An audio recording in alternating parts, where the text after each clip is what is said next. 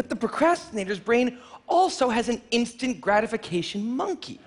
So the rational decision maker will make the rational decision to do something productive, but the monkey doesn't like that plan. So he actually takes the wheel and he says, Actually, let's read the entire Wikipedia page of the Nancy Kerrigan Tanya Harding scandal because I just remember that that happened. then, then we're going to go over to the fridge. We're going to see if there's anything new in there since 10 minutes ago.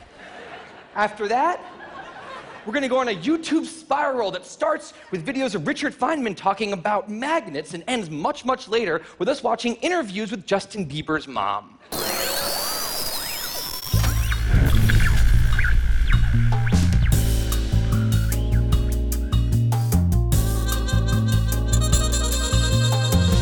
De Zeepkast. Opgenomen maandag 22 maart 2016.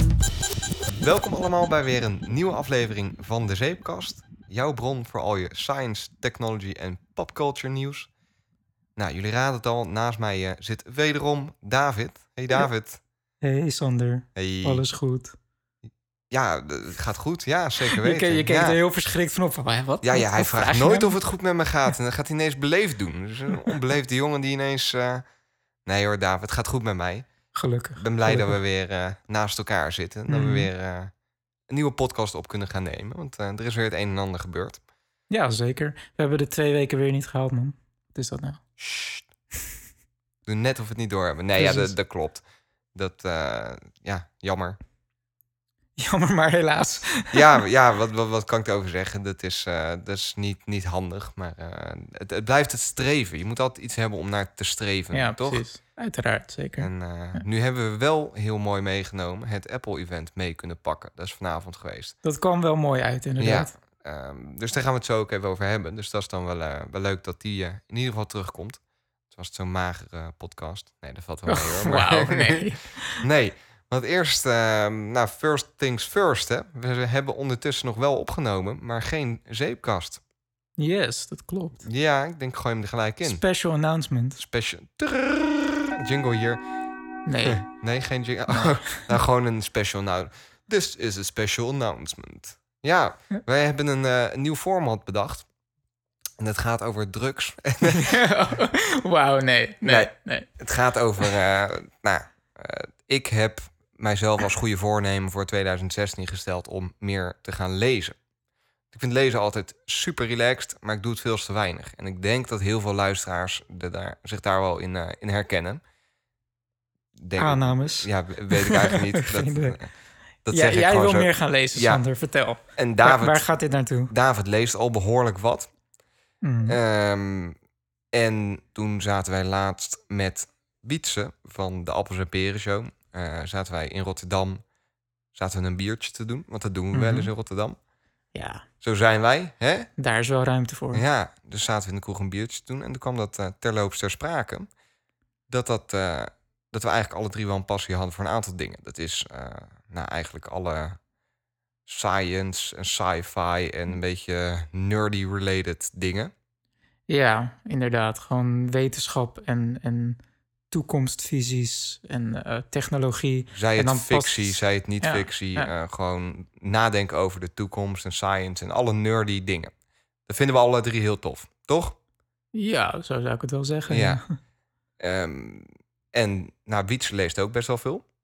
Ja, dat, dat eh, volgens mij nog wel meer dan mij. Ik- Ik, ik weet denk- wel zeker. ik denk dat hij ons 100% het alle twee zeker. uitleest. En ik, Ik wil, ook, ik wil heel graag meer gaan lezen. Ja. Ehm, dus wij zijn een ouderwets opera-achtig boekenclubje. De Oprah, boeken, de Oprah Sci-Fi Nerd Boekenclub. Zo, heet ja, het. Nee. Dat zou wel een goede naam zijn geweest trouwens. Nee. Nee. Wij Nee. zijn dus met z'n drieën zijn we eh, begonnen om een eh, nieuw podcastformat eh te gaan ontwikkelen. Dat klinkt gelijk alsof we... nou, Uh, helemaal- Basically was het zo van... We gaan, gewoon alle, we gaan gewoon een boek lezen met z'n drieën... en we gaan het erover hebben en we nemen het op. En we zien wel wat er en, gebeurt. En, we Ja. zien wel, en dat is eigenlijk ook wel het eindresultaat geworden. Ik heb het een beetje teruggeluisterd. ik vind het super tof geworden. Ik lig echt helemaal dubbel op. Maar het gaat alle kanten op. Hè? Ja, het is even afwachten hoe, in hoeverre andere mensen het leuk vinden en het ook kunnen volgen. Ehm, dus we hebben gewoon een pilotaflevering eh, opgenomen. Eh, die gaan we deze week ook eh, online gooien. Ja, dus die gaan we Eh. aanmelden bij Apple. Even afwachten hoe lang die erover ja, dat doen, duurt meestal een dagje of twee. En ja, we, waarschijnlijk wordt het dan een pilotaflevering en daarvoor nog een soort voorwoord, een kwartiertje van opnames waar we nog niet het boek bespreken, maar waar je wel al een beetje de sfeer proeft. We hadden het super gezellig met z'n drieën. Ja, En ehm, ja, misschien iets te gezellig. Dus eh, nee, nee, nee. Gewoon heel tof gaat luisteren. Ja. En eh, het heet overigens, dat is ook nog wel handig dat is wel, ja, ik, Het heet De Boekenkast. hoe origineel. Een kast Echt. met een C. Wauw, echt briljant. Ja, hè? Dat hebben we, ja, Die naam, daar hebben we ongeveer twee maanden over gedaan om te bedenken. ja, precies. Dus dat, Ja, dat eh, is nou, echt, dat is een beetje treurig. Maar dat geeft niet. Boekenkast komt deze week online. Eh, Ga het, ga het luisteren als je Probeer het leuk het een vindt. keertje, Ja, ja. zeker. ben benieuwd. We, we eh, bespreken een sci-fi boek dat heet Blue Remembered Earth. Hebben we hier ook wel eens gepitcht, hè? Ja, dat volgens Ja. mij zelfs in de pilotaflevering. Van Dat de zou goed kunnen. Ja. En de, de pilotaflevering opent met dat we het boek eigenlijk een beetje proberen te verkopen. Dus je hoeft het boek niet gelezen te hebben. Vervolgens laten we een spoilerhorn horen waar we het echt inhoudelijk over het boek hebben. En ja, als je het boek niet van plan bent om te lezen, is het misschien ook leuk om te luisteren. Dat Dus, vraag ik eh, me dus het meest af. ja, of het dan nog zeker. leuk is. Zeker, want dan gaan we echt best wel de diepte in, zeg Dat maar. is heel chaotisch. Ja. Dat is echt gewoon chaos, kroeggesprek eh, zonder bier, Laten we zeg zeggen kroeggesprek zonder bier, Ja. inderdaad. Ja. Chaos klinkt zo van, eh eh dat gaat helemaal nergens over. maar. Nee, ja, het gaat wel ergens over, maar het gaat alle kanten op. Ja. Ja. Dus eh, nou, ik ben heel benieuwd. We hebben hem bij deze gepitcht. De boekenkast, deze week online. Check ons uit. En eh, Ja. laat eens even weten wat je ervan vond. Want ik ben echt oprecht heel benieuwd. Want ik heb geen ik ook. idee. Ja, ik ook. Maar ik vond het in ieder geval wel echt superleuk om te doen. En Ik hoop echt dat we het ook eh, erin kunnen houden. Nou ja, dat moet wel lukken, toch? Ja. Nou, die uit de weg. Gaan we gelijk maar door met het volgende puntje. We hebben net samen achter de laptop naar eh, wederom een Apple-event eh, gekeken. ja, let's loop you in. Ja, ik vond hem niet zo spannend. Nou ja, eigenlijk letterlijk, en dat, dat is wel een beetje een trend van de afgelopen jaren. Alles was al uitgelekt. Alles was Er bekend. zat niks, ja, er zat één nieuw ding in, eh Care Kit. Dat was niet uitgelekt. Maar Nee. dat is een, ja, een, A- ja, een, een API eigenlijk, een soort. eh, dat is eigenlijk interessant voor developers. Ja. Developers, developers, developers. Wow, reference. Ja. Ehm, ja, maar voor de rest, eh, eh, ja, alles was al langsgekomen. De Apple-bandjes, al, allicht wisten we niet hoe ze eruit zagen. Vond ik ook niet zo heel... Ja, je weet gewoon, er komt ieder kwartaal komen er nieuwe bandjes uit. Het is gewoon een beetje een modeding. Dit is nu Ja. de, de, de Spring Edition. Sp- Ja. Spring 2016 Apple-bandjes. Ah, cool. Ja. Vond je van die iPhone? iPhone SE? Ja, ik ben boos, man. Ja, jij baalt, hè? Ja, ik had het al, ik had het al Ja. vaak genoeg met je over van... Moet ik wachten? Moet ik wachten? Ja, niet alleen dat, maar ook gewoon... ehm, Jij vindt hem eigenlijk te goed, hè? Nou ja, weet je wat het is? Ik, ik vind het gewoon een, een... Ik vond het formaat van de iPhone 5 en de 5S vond ik gewoon perfect. Ja. Echt briljant. Gewoon perfect, basically. Ehm, en ja, waarom je daar niet bij blijft, is je wilt toch gewoon de nieuwste specs hebben. Ja. Je wilt gewoon meegaan in, in de, Je wilt gewoon hip zijn. Ja, tuurlijk. Ja, Dat- da dat- David anders- wil ook weer eens een keer hip zijn. Ja. Dan- Dus dat was hij nu vier maanden. En eh, Ja. nu is de SE er en is hij niet meer hip. Nee, maar dat is het stomme eraan. Want hij ziet er, als je de SE koopt, dat, dan denkt... Ja, hij ziet er identiek uit. Aan moet je hem in het, iPhone 5S. eh, het, pink, Ro- het, roze gold. kopen. Nee, daar had het ook al over. Dat, dat wordt hem toch niet. Nee, Nee. Nee. Die, die, ziet, ja, die ziet er op websites heel mooi uit, maar in het echt valt hij me altijd tegen. Raar, hè? Ja. Eigenlijk. Maar ik wil jou gelijk, want zullen we gewoon afspreken... heel het Apple-event was niet zo heel spannend... en zullen we dat dan inhoudelijk niet te veel eh, gaan bespreken? Wat bedoel je met inhoudelijk niet? Ja, hoe, hoe- wat er allemaal is aangekondigd of zo? Of, Nou ja, niet gewoon eroverheen gaan van... nou ja, ze hebben eerst hebben ze een nieuwe bandje nee, nee, nee. We gaan, en geen, ze, eh, we gaan geen samenvatting doen. Dat, nee, eh, dat... nee, nee. Maar ja, ik baal wel van die iPhone SE. Want, want ik vind mijn iPhone 6S first world problems. Maar ik vind hem gewoon te groot. Vond ik Mhm. al vanaf dag één. Ik ben er niet aan gaan wennen. That's what she said.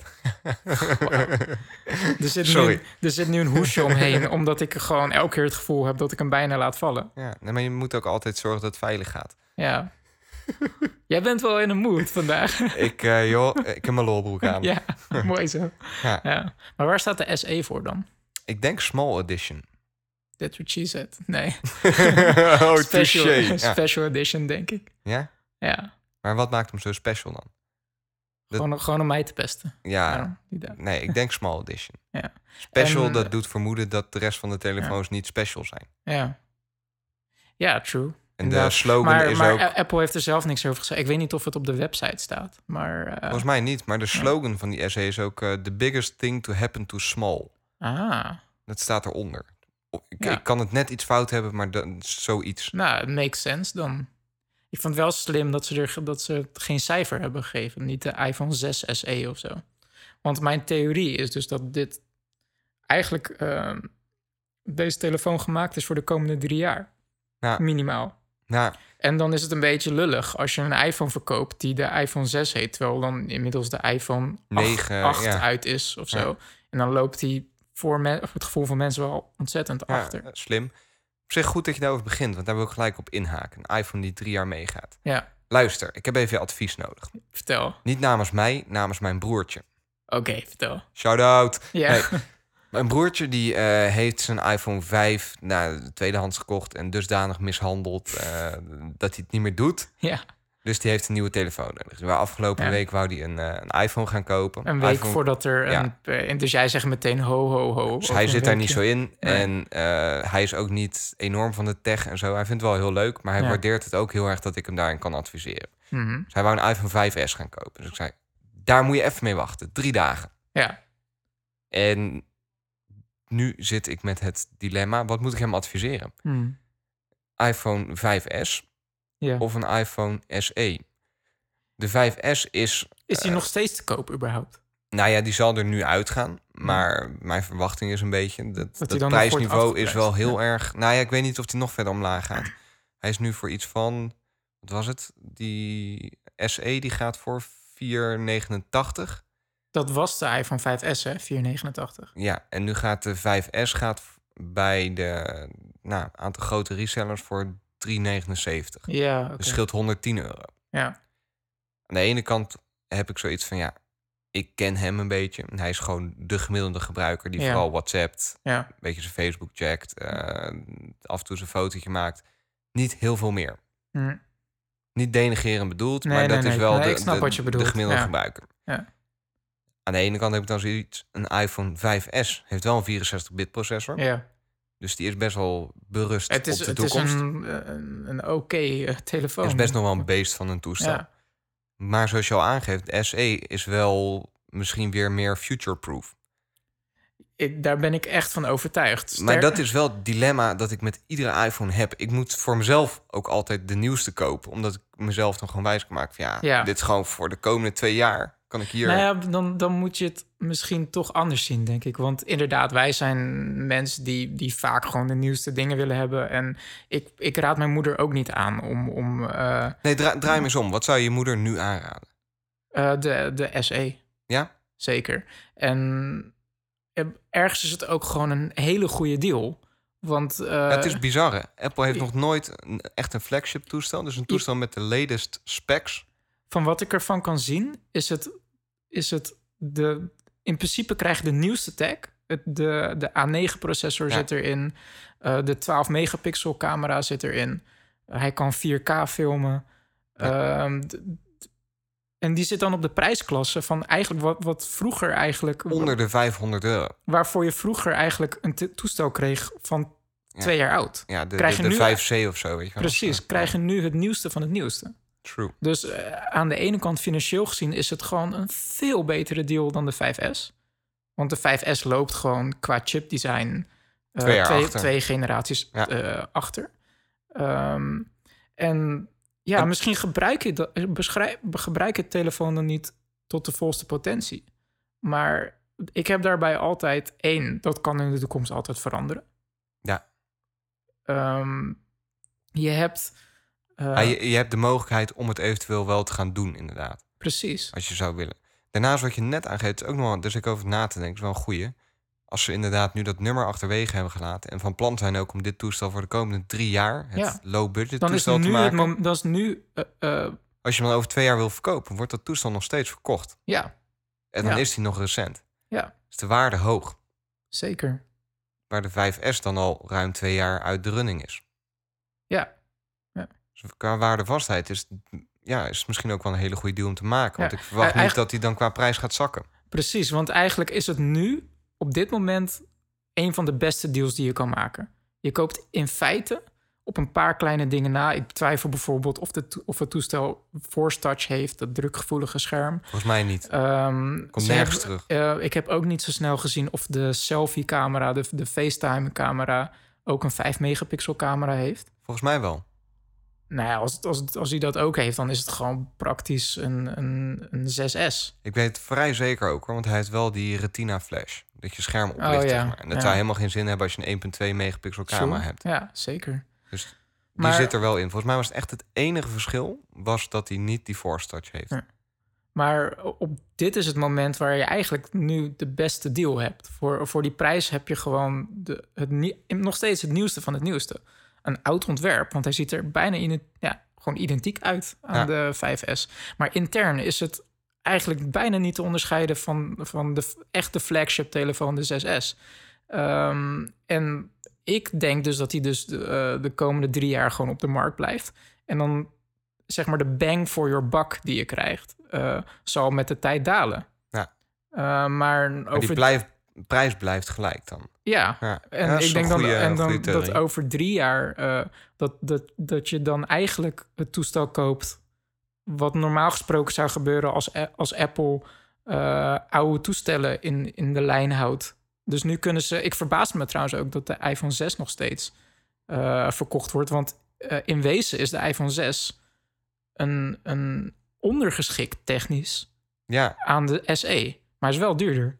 Raar. Ja, Ja. nee, klopt. Heb jij helemaal gelijk. Snap je? En ehm, normaal gesproken was het zo dat Apple oude toestellen steeds opschrijft, steeds goedkoper maakt. Maar nu hebben ze de SE. Goeie... die, die gewoon voor de, ik- die eigenlijk voor de lange termijn is gemaakt. En, en de onderkant op te vullen met een toestel wat waardig is. Ik, ik denk dat het advies dan een beetje moet luiden. Heb je het geld om te besteden? Ja, Ongeacht of je op zoek bent naar de beste deal of koop dan altijd de SE. Zit je echt aan een budget en kan je dat niet opbrengen, dan is nu wel de tijd om je 5S aan te gaan schaffen. Die worden nu uitverkocht Ja. en die gaan ook heel aantrekkelijk geprijsd. vind ik een mooie conclusie. Ja, toch? Ja, zeker. Dus eh, Stijn, als je luistert, kopen! Bij deze. Dan heb je een betere telefoon dan ik met mijn 6. Ja. ja, dat, ja, precies. Shit. Dat is ja. toch bizar? Ja, daar baal ik wel van. Ja, Nou, David, bedankt.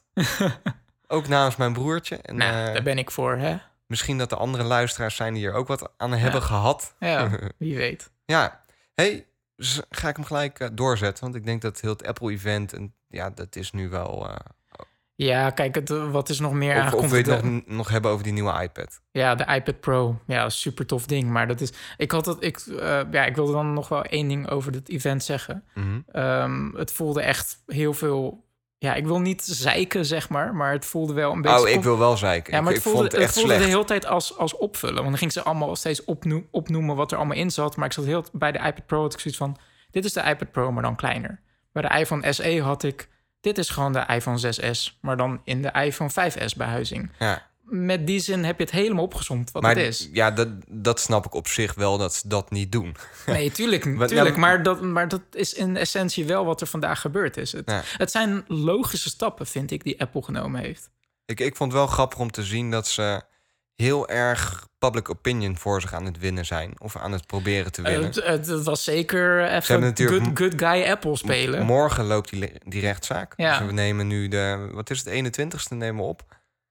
Ja, het is 21 Ja. vandaag. En de 22ste is de hele eh, Apple versus FBI rechtszaak. Klopt. Ik hoop Ja. echt dat de FBI wint ook. nee. Luister de Ja. vorige aflevering, eh, episode 11. Ehm, clickbait. Nee. ja, nee, nee, maar eh, en ze waren dus bezig met wat ze wel niet betekenen voor het milieu en voor de health. En dat ze ja, zo, dat is zoveel... renewable energy, dat. Apple bijna op het niveau is dat ze helemaal ge- recyclen.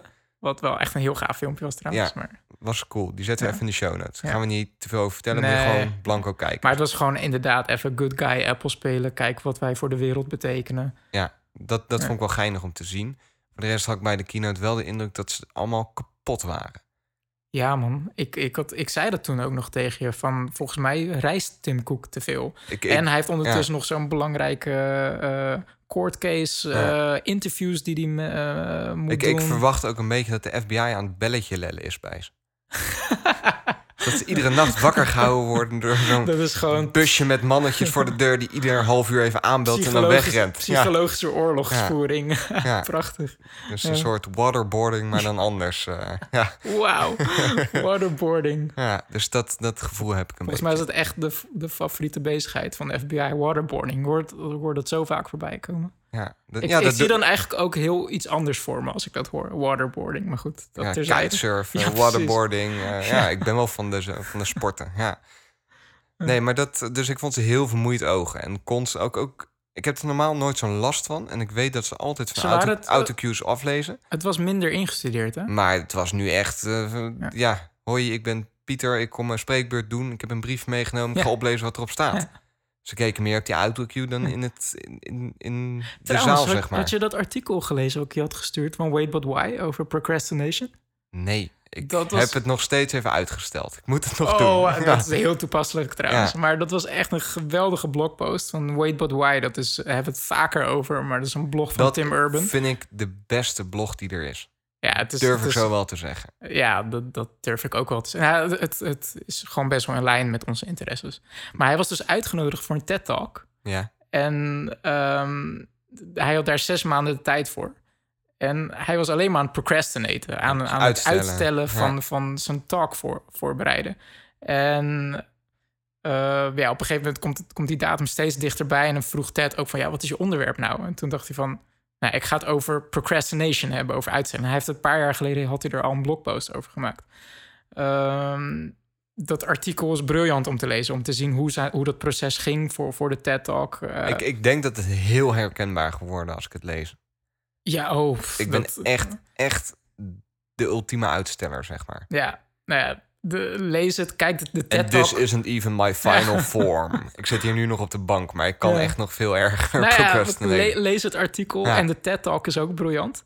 Ehm, maar in, in, in, ehm, in die blogpost heeft hij het er ook over van eh, de verschillende niveaus van hoe je je speech, je, je public speaking, spreekbeurten kan voorbereiden.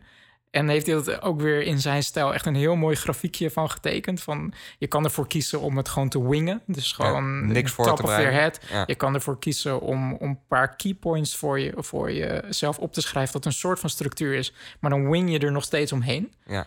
En dan kom je op, op het laatste punt van het helemaal uit je hoofd leren. Ehm, maar dan, Daar daar- zit niks tussen. nou, daarbinnen zit een soort van spectrum van als je het besluit om het helemaal te scripten, dus helemaal op te schrijven, maar je leert het niet uit je hoofd, dan wordt het nog dramatischer dan het eh, gewoon te wingen. Dus dan kun je het maar beter gewoon Dus niet... kan je het maar ja. beter gewoon het papiertje weggooien. En ehm, daartussen eh, wordt het steeds minder slecht naarmate je het eh, Meer uit je hoofd meer leert. uit je hoofd leert. Maar het is nog steeds heel uncomfortable. Totdat je op het punt komt dat je het helemaal uit je hoofd kent. Dat noemt hij zelf happy birthday level.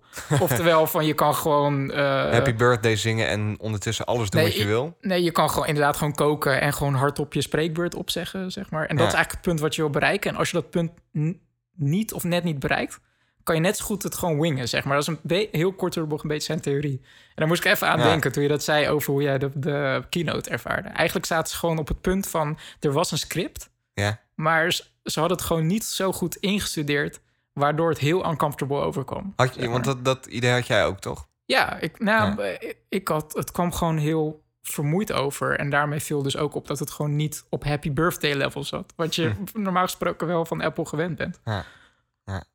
Dus geen happy birthday voor Tim. Geen happy birthday Nee. voor Tim. Nee. Nee. Cool. Dat eh, was het Apple-gedeelte van eh, deze podcast. Ja, we hebben er alles wel over uitgesproken. Ik vond Ja. trouwens wel nog één dingetje. Ik vond het wel grappig hoe ze op het einde bij de iPad Pro eigenlijk een beetje de, de PC-land gingen aanvallen. Van eh, iedereen die nu een De ultieme PC-vervanger, ja. ja, van dat, dat iedereen die nu een Windows computer heeft van vijf jaar oud, die moet maar nu een iPad Pro gaan kopen. Ja, ze lacht ook een beetje die mensen uit, hè? Ja, Ja, eh, 80% van de mensen heeft een computer van vijf jaar of ouder. Ha, ha, ha. De- Ja, dat vond ik niet cool, man. Ja, ik vond het wel weird, inderdaad. Ik weet Dat, het niet. ja, dat is wel een beetje de, de happy few uithangen, zeg maar. Ja, nou is goed. Apple ook wel op de mensen gericht die nou, iedere vijf jaar de computer wel vervangen. Maar ik vond dat het een beetje, ja, niet cool. Not cool, man, not cool. Ja. Zijn we klaar met Apple, zei ik? Ja, ik ben er wel klaar mee. Oké, maar ik wil hem toch hebben, man, die iPad Pro. Ik ga hem niet kopen, maar ik wil hem wel hebben. Ik wil hem ook heel graag hebben. Want je kunt ook mobiele podcasts meedoen, hè? Je kunt direct je... Ze hebben een nieuwe dongle aangekondigd, hè? Ja. Een, eh, een, USB, een, een powered USB-poort. Ja, Dat je er gewoon echt eh, eh, apparaat op kan aansluiten die via USB ook power nodig maar zou hebben. die alleen werken op de iPad Pro? Ehm, nou ja, de grap is, die, die, dat adaptertje, daar kan dus een extra lightning, zit een extra lightning connector op.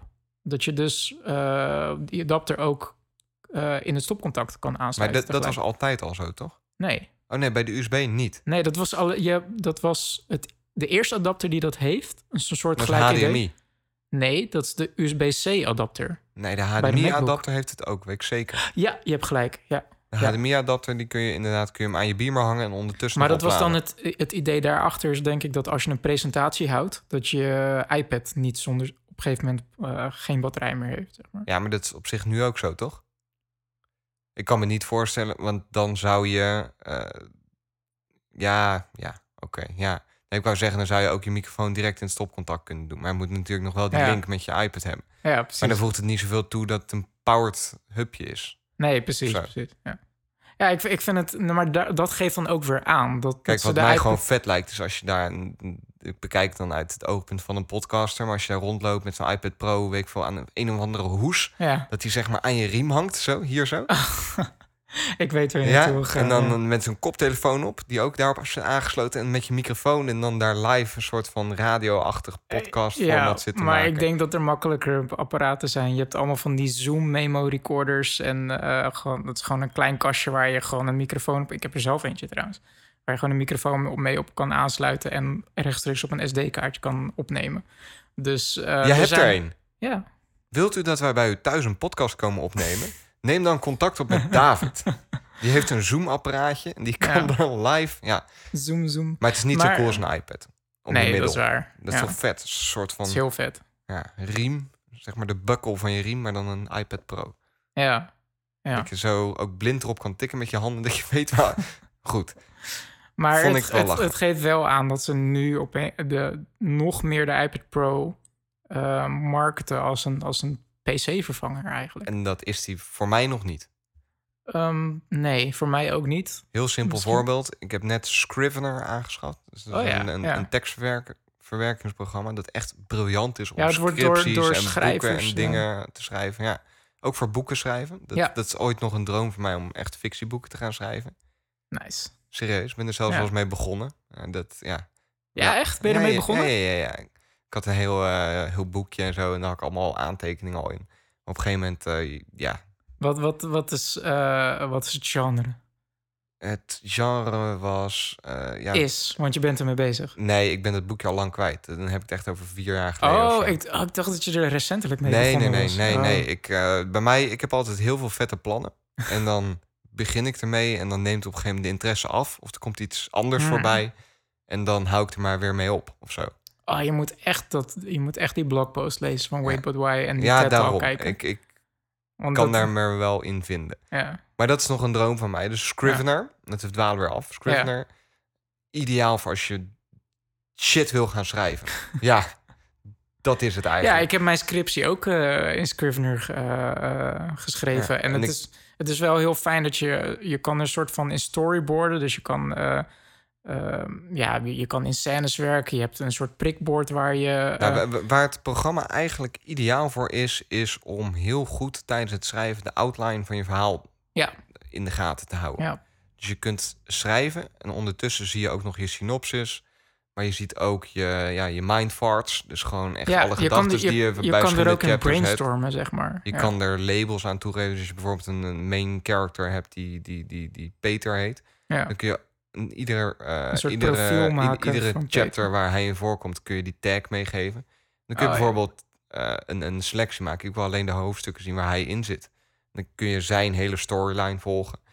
Ja, maar bijvoorbeeld voor je scriptie is het ook heel handig. Eh, hij kan automatisch dingen als je APA-richtlijnen en dergelijke in de gaten houden. ja, ja. Maar om terug te komen op mijn punt. Ik heb me daar dus helemaal in verdiept. Er zijn een aantal uur in gaan zitten om heel de handleiding Mhm. door te Ja, het is lezen. een ingewikkeld. eh, nou ja, een, het heeft heel veel features. eh, De, de, de instap is vrij laag, maar om je een beetje het onderste uit de kant te halen, moet, je, ja, moet er wel wat. Maar dat met heel veel dingen zo. Ja. Maar ik heb dus die stap gezet, ik heb de tijd ingestoken. Maar dat is bijvoorbeeld dan weer niet beschikbaar op de iPad.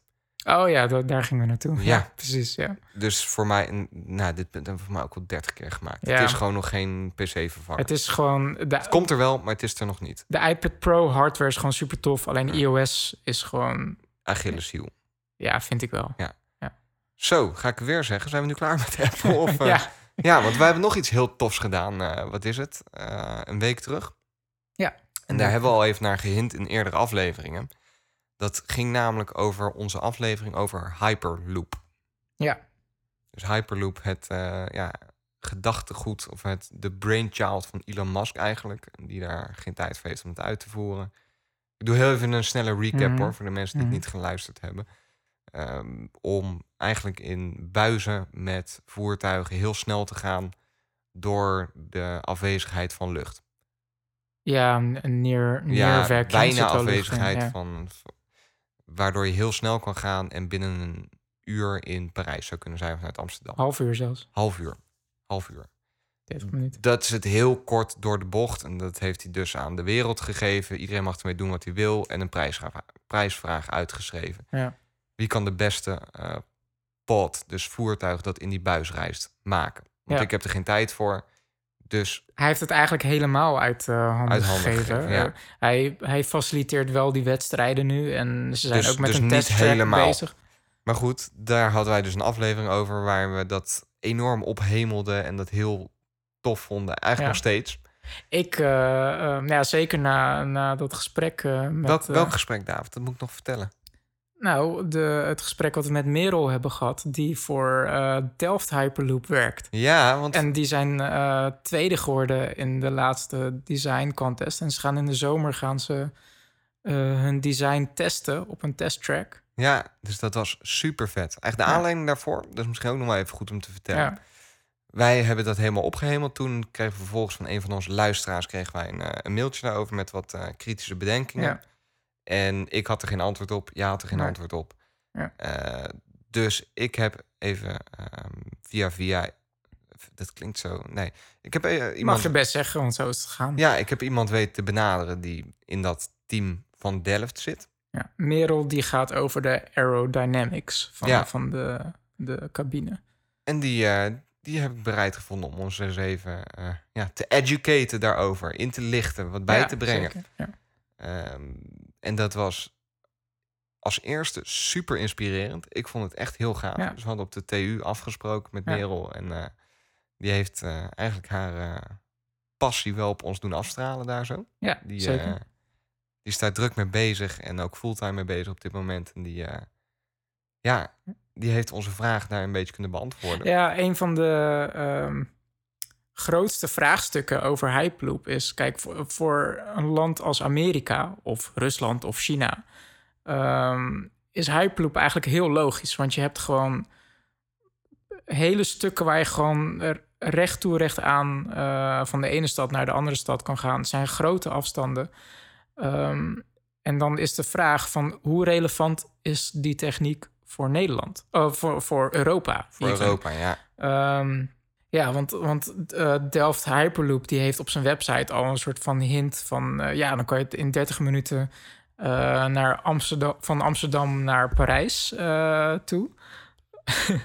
maar ehm, ja, dan, dan krijg je dus enerzijds... je moet door België heen. Ja. En hoe tof vinden de Belgen dat? Hoe tof vinden wij dat? Nee. en hoe tof vinden Rotterdammers dat, dat wij de, eerst naar Amsterdam moeten? Of hoe tof vindt Brussel dat? Die wil dan natuurlijk ook een station. ja. Ehm, en eigenlijk het idee van Delft Hyperloop was meer om een, om een idee te creëren van... eh, hoe snel dat systeem gaat. Om het Dus- inzichtelijk te maken. Precies, het was eigenlijk gewoon een, een, een voorbeeld. Ehm, maar aan de andere kant kan je best wel, denk ik, zeggen van, van bijvoorbeeld van Rotterdam of Amsterdam naar Berlijn en van Berlijn naar Kopenhagen of zo. Ehm, ik zie dat wel zitten, dat je gewoon, ehm, weet ik veel, binnen een uur in Kopenhagen zit. Ja, dus Of meer, zo. want even, even terugpakken. De bedenkingen eh, waren dus inderdaad eh, eigenlijk dat het, of het wel zou werken in Europa. Ja, Een aantal eh, goede vragen daarbij. Eh, inderdaad, als je over landsgrenzen gaat, ja, heb je dan met jaloezie te maken. ja, dat is het eigenlijk, Eh, jaloezie en ja. afspraken. En, Eh, eh, qua buizen kun je zomaar die buizen overal neerplanten, terwijl Europa zo ontzettend volgebouwd is. ja, Eh, dus dat, dat soort vragen inderdaad. Een beetje ehm naar bedenkingen moet ik zeggen. Of dit concept zou werken in Europa. Merel wist dus inderdaad vertellen van... nou, wij hebben zelf het voorbeeld gegeven van Amsterdam naar Parijs. mhm. En dat was meer om te illustreren hoe snel zo'n ding gaat. Ja. Van je, Daar dat- hebben mensen een beeld bij. Ja, Amsterdam dan beetje, ja, dat zegt meer als van Houston naar Florida of zo, weet je wel. Ja, Dat, dat kunnen wij niet, ja. ja het, het, het, is een dichter, het staat dichterbij. Ja. Dus, eh, Daarnaast wist ze ook wel te vertellen ehm, dat dit wel iets is ook richting de toekomst heel erg. Ehm, dat het makkelijker is volgens haar inderdaad als je te maken hebt van eh, bijvoorbeeld Nederland naar Duitsland. mhm. Dan heb je maar met twee landen te maken. met twee landen te maken. Je hoeft niet over iemand anders grondgebied Ja. te gaan... die er eigenlijk dan verder mm, geen baat bij heeft of zo. Daarnaast had zij, de, moet je me even helpen hoor, weet je, want het, het gesprek is eventjes geleden. Ehm, maar ze vertelde inderdaad ook eh, dat zij ja, ook niet weet waar het naartoe gaat. Eh, maar wel de hoop heeft dat dit op een Europees niveau geregeld gaat worden. Ook. Ja. Kijk, stap, stappen moeten gemaakt worden. En ehm, het, ik vind het sowieso tof dat Delft eh, zich ermee bemoeit... en ook heel, ehm, ja, toch wel serieus genomen wordt. Ja, nou ja, dat Want, wist eh, dat is ook, ja. ook misschien nog wel even cool om te vertellen. Want eh, Het moet geen Amerikaans feestje worden of zo, denk ik. nee, en daarom is het heel belangrijk ook dat zij hier zo hoog in meedingen. Zeker. Want zij zijn wel de hoop van Europa wat dat er gaat. Dat we hier eh, ook, ook succesvolle Hyperloop-projecten gaan krijgen. Ja. Ehm, en wat ik ook niet zo door had, maar zij zijn dus echt wel heel serieus aan het meedingen om de prijzen. Ze hadden al een prijs gewonnen. Ja. Ze gaan nu meedraaien in echt de, de finale, als het ware.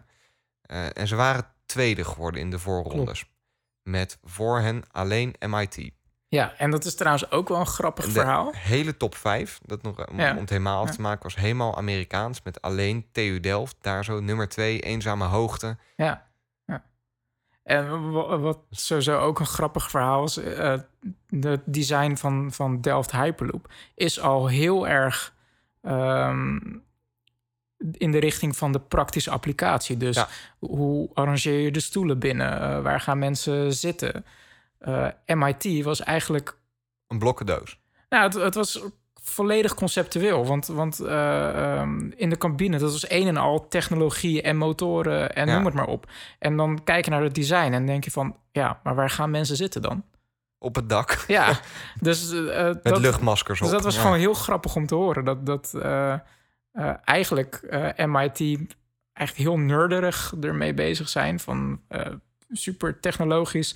En dan gebruiken ze friks, frictieremmen. Dus dan... eh, ze willen dus met wrijving willen ze gaan remmen. Ja, met die snelheden. Dan, dat Succes, joh. Ja. creëer je hittes eh, waarvan ik denk van... Nope. En daar eh, Ja. heeft vertegenwoordigers van SpaceX en zo... MIT ook de vingers opgetikt van... jongens, dit, dit slaat nergens op. Dit is niet En handig om zo te doen. Dat vind ik dan wel de leuke verhalen, zeg maar. Dat, Dat, is wel eh, even die inside information die het lekker, lekker En, juicy eh, maakt, zeg maar. En dat Delft wel echt een design heeft van...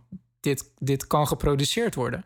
Nou, op, op, er is al nagedacht over... dit moet op, op een grote schaal geproduceerd kunnen worden... moet adaptable zijn voor verschillende situaties. Ja, en zij wist ook te, te vertellen dat ze dus ook gewoon al heel erg stappen hebben gemaakt in het inzichtelijk te maken. Ja. Eh, richting eh, de commercialisering hiervan, zeg Ja. maar. Dus ze weten exact wat ze nodig hebben om zo'n pot te bouwen. Ja. Ze gaven ook aan van, nou, we kwamen Ja. daar dan eh, op die, eh Tot die aan de voorrondes. kabeltjes en schroefjes is het ge- geïndexeerd van Ja. wat er allemaal nodig is. We kwamen daar op die voorrondes en er stonden ook teams en die hadden dan borden staan. in hun zoektocht naar sponsoren en dergelijke. En daar stond op, we hebben nog nodig, zeg maar... SD-kaartjes. Ja, twee SD-kaartjes, een USB-sticky, eh, een frame. Een frame, Ja. ja. Nou, we gaan naar de framewinkel en we kopen een frame. ja. Eh, terwijl zij best wel, of nou best, als ik haar mag geloven hoor, en dat doe ik wel, gewoon heel erg een, eh, inzichtelijk hebben van nou, op het moment dat er een partij is die zegt dit gaan we produceren, hier is een lijst, dit gaan we, of dit ga je betalen. ja. En dat gaat hier naartoe, want dit is wat er allemaal nodig is. Ja. Dus dat was ja. eh, super vet. Ja. Even terug te komen over Hyperloop en Europa. Ik, Ja. ik denk, het is, een, het is een interessant idee als Hyperloop naar Europa zou komen. Want ik denk wat Hyperloop mogelijk zou kunnen maken... is dat Europa ineens echt heel klein wordt. En dat, dat, we Hyperloop eigenlijk een soort moeten zien als een, als een metronetwerk voor Europa. Nou, Ehm, want ehm, het grote voordeel, denk ik, ehm, wat Hyperloop heeft, is dat je eh, op een hogere frequentie eh, cabines en tussenstations kan sturen. Ehm, ja, dus eigenlijk als je bijvoorbeeld naar het metronetwerk in, in Nederland kijkt, eh, eh, in Rotterdam kijkt, is als ik de metro mis, dan wacht ik op het perron en dan wacht ik eh, tien minuutjes tot de volgende. Ja. Eh, vliegvelden, die hebben dat veel minder. nou ja, Ehm, niet. Zeg je, maar. moet, je, moet, je moet twee uur van tevoren eh, eh, aanwezig zijn, omdat je gewoon een grote groep mensen. Je moet er eigenlijk voor zorgen dat een grote groep mensen op tijd komen, zodat het vliegtuig op tijd kan vertrekken. Het is niet zo van: eh, ik wil naar Madrid. Ehm, ik mis het vliegtuig. Ja, ik wacht even tien minuutjes op de terminal en dan gaat de volgende. Ja, dus dat is een groot voordeel wat, wat Hyperloop heeft. Dat, Ja, dat is eigenlijk meer de, casual. de tijd die je tegenwoordig kwijt bent op luchthavens, die zit niet meer in de douane. Nee, Het zit hem puur erin dat je daar echt op tijd moet zijn voor het geval je eh, in de file komt te staan en je vlucht gaat missen. precies, precies. En dat heb je met Hyperloop absoluut niet. Het, het is eh, eh, veel meer uitgespreid. Dus daar, dat creëert dan eigenlijk een soort van rust van... van ehm, ja, om, om het half uur, ik noem maar wat, gaat er een cabine richting de grens. Dat is, dat is heel interessant eraan. Ja. Ehm, daarnaast zou ook een, een logische, misschien een logische plek voor Hyperloop stations zouden vliegvelden zijn. Ja, wist ze ook te vertellen. Dat je van het ene vliegveld naar het andere vliegveld gaat. Dat je dan vaak Ja. op buiten stadcentra zit. Ja. Dus die buizen kun je daar naartoe leiden. Ja. Eh, en daar al de infrastructuur hebt voor mensen die hun auto's Die kwijt kunnen moeten, overstappen, Die, eh, ja. ja. Dus niet zozeer stations denken. Eh, dat hem gewoon niet worden. Nee, Stop maar het het. worden, het worden gewoon hubs. En ehm, het is dan gewoon heel interessant dat bijvoorbeeld een Amerikaan of een Japanner die gaat naar Europa en die vliegt dan naar Schiphol. En Ja. die is dan dezelfde dag is die nog in Kopenhagen, bij wijze van spreken. Dat, dat zou wel makkelijk voor ze zijn. Ze zijn nu altijd al zo aan het rondrennen met die camera's. en zo. Ja. En, en eh, ja, ook eh, het, ja, het, het, brengt, het maakt Europa gewoon kleiner. Dan Ja. kan je bijvoorbeeld als eh, ehm, Amsterdammer een baan aannemen in Parijs, bijvoorbeeld. Ik Ja. maar wat. Ja. Dan heb je gewoon een abonnement op de, op de. Hyperloop. Ja. En natuurlijk is dit misschien weer heel optimistisch en zijn er vast weer allemaal haken en ogen die we dan weer niet zien. Maar daar zijn wij Maar- Nederlanders ook heel goed in. Hè? Als er dan een heel tof plan ligt om dan heel zuur te gaan... eh Ja, ja, precies- ja inderdaad. Ja. Ah, joh, doe nou maar normaal. Dat komt er nooit... Maar eh, het zijn gewoon venues die onderzocht moeten worden. En het is gewoon heel tof dat, dat er nu ook een, een Europese partij daar actief mee bezig eh, is. eh, en dus daar ons ook in vertegenwoordigt. Ja, nee, dat, dat klopt. Dus we Ja. gaan het eh, wederom in de gaten houden. En Ja. Merel, enorm bedankt. Ik vond het heel inspirerend. En we duimen voor jullie. Ja, zeker weten we. En ehm, we gaan het ook zeker in de gaten houden Ja. wat er allemaal in de zomer gaat gebeuren. Ik En- hoop dat je ondertussen klaar bent met polijsten. Toen wij het gesprek met haar hadden, moesten we daarna weer terug om, de, ja, om verder te gaan polijsten tot diep in de nacht. Dus eh, ik hoop dat dat nu een beetje klaar is. Dus eh, daarmee hebben we denk ik wel onze, onze lezersvragen een beetje, ja, wat vaag, maar wel beantwoord. Ja. ja, wacht, we zien het wel. joh. ja. Hey, eh, heb je Netflix al gecheckt? Ja, Ik ben House of Cards aan het kijken. Nee, toch? Seizoen 1, man. Ja? Ja, ik ben, er, ik ben er eindelijk eens een keer voor gaan zitten. Ik hoorde zoveel mensen over. En ik dacht, nou, ga ik maar eindelijk weer House of Cards eh, kijken. En ja, ik dik het wel. Het is eh, af en toe wel erg veel eh, backstabbing en soapserie... Ja. waarvan ik denk van wauw. Maar Nou, ik mag toch hopen dat het niet echt zo gaat in de White House. ja, wie Ja. weet, hè? Ja, moet je ook niet willen weten. Nee, misschien Ah, niet. Frank Underwood, Ja, hij draagt wel die serie. behoorlijk. Ja, Ja. ik vind het zo vet hoe hij af en toe in de camera kijkt en dan iets Ja. vertelt.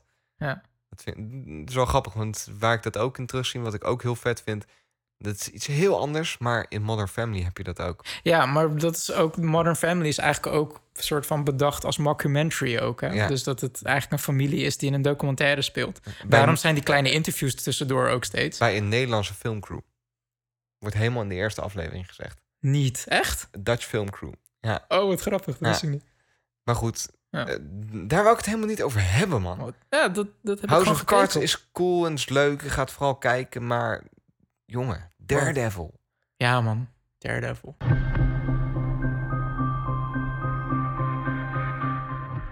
Dit, Punisher. dit is eigenlijk ook een toneelstukje, jongen. dat ik aan David ga vragen, heb je het al gekeken en zo. Maar dat is gewoon om iets te hebben om te vertellen. Maar David en ik hebben hier net samen ook al een aflevering gekeken. Ja. ja, we hebben nog niet afgekeken. Dus ik echt, weet eh, dat hij al een stuk gezien heeft. Ja. En we zijn nu halverwege. Nou, we hebben net aflevering 4 gekeken. zijn Het er zijn tien, 12 toch? afleveringen. Zijn het er twaalf? Ik dacht van wel. Nou. Of 10, ik weet het niet. Nee, volgens mij zijn het 12. Ik zit er helemaal Dus in we weer, zitten jongen. op een derde. Ik eh, denk dat we die in een latere podcast nog eens even goed moeten bespreken. Ja, als we hem afgekeken hebben. Maar tot nu toe, Ga alsjeblieft dit kijken, want het is zo vet. Ik Waarom vind het, is het vet? vetter dan seizoen 1. Nou, het is, ze weten zo goed die balans te pakken tussen ehm, ja, duisternis en superhelden en nieuwe invalshoeken. En zo goed verschillende verhalen neer te zetten... dat je eigenlijk ook niet meer weet wat goed en wat fout is. En dan heb ik het vooral over dit seizoen. Maar dat Ja. had je vorig seizoen natuurlijk ook al een beetje met eh Task. ja. Nou ja, het, het is eh, eh, weer heel veel grijs gebied. En mag iemand wel het recht in eigen handen nemen? En waar ligt dan de lijn? Mag je... Het is eigenlijk wel weer die Batman-discussie. Dus wat dat betreft geen origineel verhaal. Maar het is zo heel heftig goed en mooi in beeld Ja. gebracht. De dialogen, de, de scripts zijn gewoon echt prachtig. Vind ik. Zeker weten. En er zit weer één bizarre vechtscène in. Die Ja. echt eh, helemaal naar alle kanten op gaat. En gewoon de meest awesome fighting scene ever, Ja. zeg maar. Heel ja, je cool. moet wel een beetje van actie houden. Want het is Ja. natuurlijk wel gewoon een... een Alle mannen houden daar sowieso van, toch? Ja. Nee, maar het is super vet. En ik denk dat we daar in een latere podcast nog eens even echt in-depth naar een spoilerhorn op terug moeten komen. ja, als we hem afgekeken hebben, zeker. Eh, ik ga er nu over ophouden, anders ben ik veel te bang dat ik allemaal dingen ga verklappen. Maar Ja. ik wil hem wel iedereen alvast even aanraden. Want ik ben nu bij aflevering 4 en pff, het is echt heel goed. Ja. ja, ik vind het gewoon echt een, een, een... Vooral ook een mooie serie. Echt, soms vergeet je gewoon dat je naar een tv-serie zit te kijken. Ja, dat het net ook. een film lijkt. Hè? Dat Ja. het echt wel Ja. Klopt. En dat is wel die kracht van Netflix ook. Ja, zeker. Dat ze dat gewoon kunnen doen. Omdat het eigenlijk ook een tien uur durende film is. In wezen wel. Ja. Ja. Dus ze gooien hem ook in één keer online. Maar Ja. goed, hebben we het vaker over gehad. Daredevil, ga dat kijken. Ja. Als je dat cool vindt natuurlijk. Ja. Maar als je het niet cool vindt, dan Dan niet. Dan kijk je niet. ja, heel tof. Jij had ook een film gezien waar we het even over hebben. En ik heb hem nog niet gezien. Ik ben vorige week naar eh 10 Cloverfield Lane geweest. Ja, Wauw. ja jij vond hem heel goed. Wat een film. Echt unbelievable. Ten eerste is het, eh, vond ik het super vet al. Deze film is in het geheim gemaakt, hè? Hij was, hij is, ik heb hem vorige week gekeken. Ja, eh, en toen was hij echt net uit. En ehm, daarvoor, eh, hij is twee maanden daarvoor is hij aangekondigd. toen was hij al lang geschoten natuurlijk. Ja, maar het was gewoon... We hebben een nieuwe film, Ten Cloverfield Lane... is over twee maanden in de bioscoop. Hoe vaak gebeurt dat nou? Ik bedoel... Eh, dat weet ik niet. Ik hou dat niet zo in de gaten. Maar nou, voor de, is meeste, de, meestal meeste, eerder. de meeste films worden echt al meer dan een jaar ervoor aangekondigd... en er wordt heel langzaam naar promotie gewerkt. En ehm, eh, om mensen warm te maken... Kijk naar Batman vs. Superman bijvoorbeeld. Die Ja. komt deze week uit. Daar is al een is jaar mee al, bezig. Dat is al twee jaar geleden aangekondigd... en zijn al een jaar lang zijn ze trailers aan het uitbrengen. Ja. de- deze film doet dat echt totaal niet. Het is gewoon, hij is aangekondigd, hij komt er en bam. En, en jouw grote advies is ook, ga er blank in. Kijk geen trailers. dat is dus het hele briljante aan het concept. Eh, en dat is daarom denk ik ook precies de reden eh, waarom ze de film in het geheim hebben geschoten en zo snel mogelijk de bioscoop eh, in hebben gestuurd. Want de kracht van deze film is dat je er helemaal blanco in gaat. Ik, ik heb geen trailer gezien, ik heb er niks over gelezen. Het enige wat, we naar, wat mij naar de bioscoop trok was de naam Cloverfield. Want Ja. er is namelijk acht jaar geleden al een film uitgebracht die Cloverfield heet. Heb ik wel gezien. Ja. Heb- Ja, wat vond je van die film? Eh, ja, dit die, ehm, het is gefilmd als in zijnde dat iemand het zelf filmt op een, op een feestje of zo, toch? Ja, het, is een, het genre wordt wel found footage genoemd. Ja. Oftewel, het is alsof je een bandje vindt en dat bandje speel je af, een home video. Ja, Blair Witch Project. eh, Blair Witch Project is eigenlijk, denk ik, wel de grondlegger. Ehm, en dat, aan de ene kant is dat. ehm, de, Blair Witch Project was bijvoorbeeld heel goedkoop om te maken. Want je Ja. hoeft niet aan special effects te denken. Ehm, je hoeft ook geen professionele cameraman per se in te huren. Want het is gewoon. Een, Het, het een- moet een beetje shaky zijn. ja, zo. ja. De, de editing is er ook nagenoeg eh, bestaat niet. Want eh, editing betekent basically... meneer eh, stopt met filmen en meneer begint weer te, te starten met filmen. Eh, het is net alsof je opa en oma net een camera hebben gekocht... en die zitten, oh, hoe werkt dit nou? Filmt hij al, zeg maar. Van die beelden krijgt van, Ja. "Ah, staat hij nou aan, Ja. Hans? Ja. En Cloverfield van acht jaar geleden... die had dat, concept eigenlijk naar een nieuw niveau getild. ja, dat is die rampenfilm ook, toch? Dat is in die, eh, ja, ik heb Het is eigenlijk Godzilla meets eh, found footage. Ja. Oftewel, het begint op een feestje en eh, op, op een gegeven moment hoor ze een explosie buiten. Ja, Ja, shit hits the fan. en ehm, het tof is dat je dus dat Godzilla-monster eh, eigenlijk bijna niet in beeld ziet. En de, de, me- eh, de, de mensen op straat, die we hebben ook totaal geen idee wat er aan de hand is. Want Ja, dat, dat is het tof eraan. Hè? Dat je op hetzelfde kennisniveau zit als die mensen.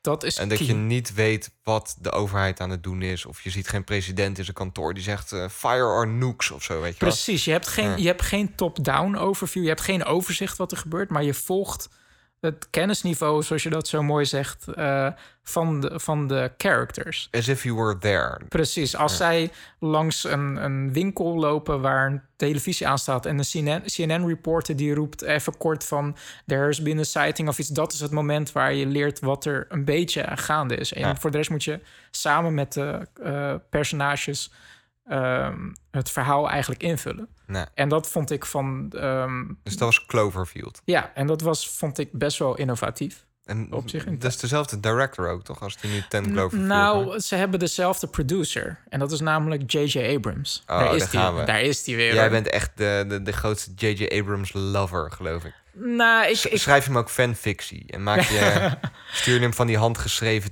of handgemaakte tekeningen en zo. ik, vind, ik vind heel veel werk wat hij doet, vind een ik gewoon. tattoo op je rug van J.J. Abrams. Nee, maar ik vind heel veel werk wat hij doet, vind ik gewoon super interessant. Omdat hij, hij heeft een hele interessante manier van verhalen vertellen. En dat noemt hij zelf. Ik weet niet of het helemaal zijn ehm, Ding is. I- nou, niet zijn idee is de term, maar hij noemt het zelf de mystery box. Hij heeft er ook een TED-talk over, ook weer. TED heb je weer. Keynotes. Ja, en eh, die TED-talk, als je van fi- films en verhalen houdt... dan is die TED-talk super interessant eh, om te zien. Want daarin vertelt J.J. Abrams dat hij eigenlijk altijd met mystery boxes bezig is. Eh, oftewel, dat je een idee hebt Ja. waarvan je ehm, eigenlijk alleen maar de suggestie naar iets... dat dat eigenlijk al genoeg is. En dat je niet het antwoord hoeft te weten. ja, ik heb die TED-talk ook gezien. Ja. Dus volgens mij heeft hij een goocheldoos, Ja, toch? Hij Ja. heeft van, dan vertelt hij, en eigenlijk de rode draad in de TED-talk... is dat hij van zijn opa een, een goocheldoos heeft gehad. Ehm, En hij weet niet wat erin zit. Nog Het- steeds niet. Nee, nee, want En hij, dat maakt ook niet uit. je verklapt het, man. Ik wil ook even wat vertellen. nee, maar dan begint hij van... Ja, het idee erachter is dat, dat er 10 dollars worth of magic in zit. Maar hij heeft dan die doos inderdaad nooit geopend... als een soort van ode aan zijn opa. En gewoon het idee dat daar 10 dollars worth of magic in zit... is al genoeg voor hem. En hij kan dan gewoon zijn fantasie loslaten... van wat erin zou kunnen zitten. Of Het is zo. wel een goedkoop cadeautje ook. Dat ga Ja. ik ook doen.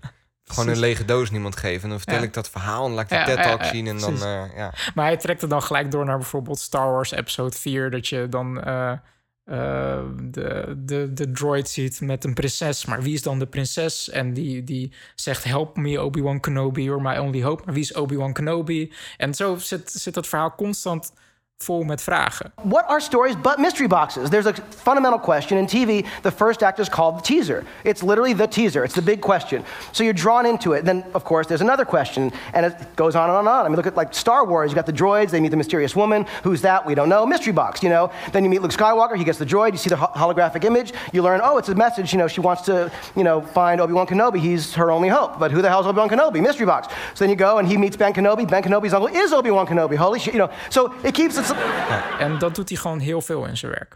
Enfin, even terug naar Cloverfield. Ja. Dus er is een film Dus aangekondigd. nu hebben we het weer Cloverfield. En zo meteen Ja. weer over 10 Cloverfield Nu Lane. ga ik het hebben over 10 Cloverfield. Lane. Want Even de structuur erin houden, hè, David? Ja. Zo gaat de boekenkast dus ook. Ja. J.J. Abrams. Ja. Eerst Cloverfield, acht jaar hij geleden. heeft dus 10 Cloverfield Lane heeft hij ook geproduceerd. En Dus jij, ben- nou ja, eh, jij was aan het vertellen, Cloverfield Ja. heb je acht jaar geleden gezien.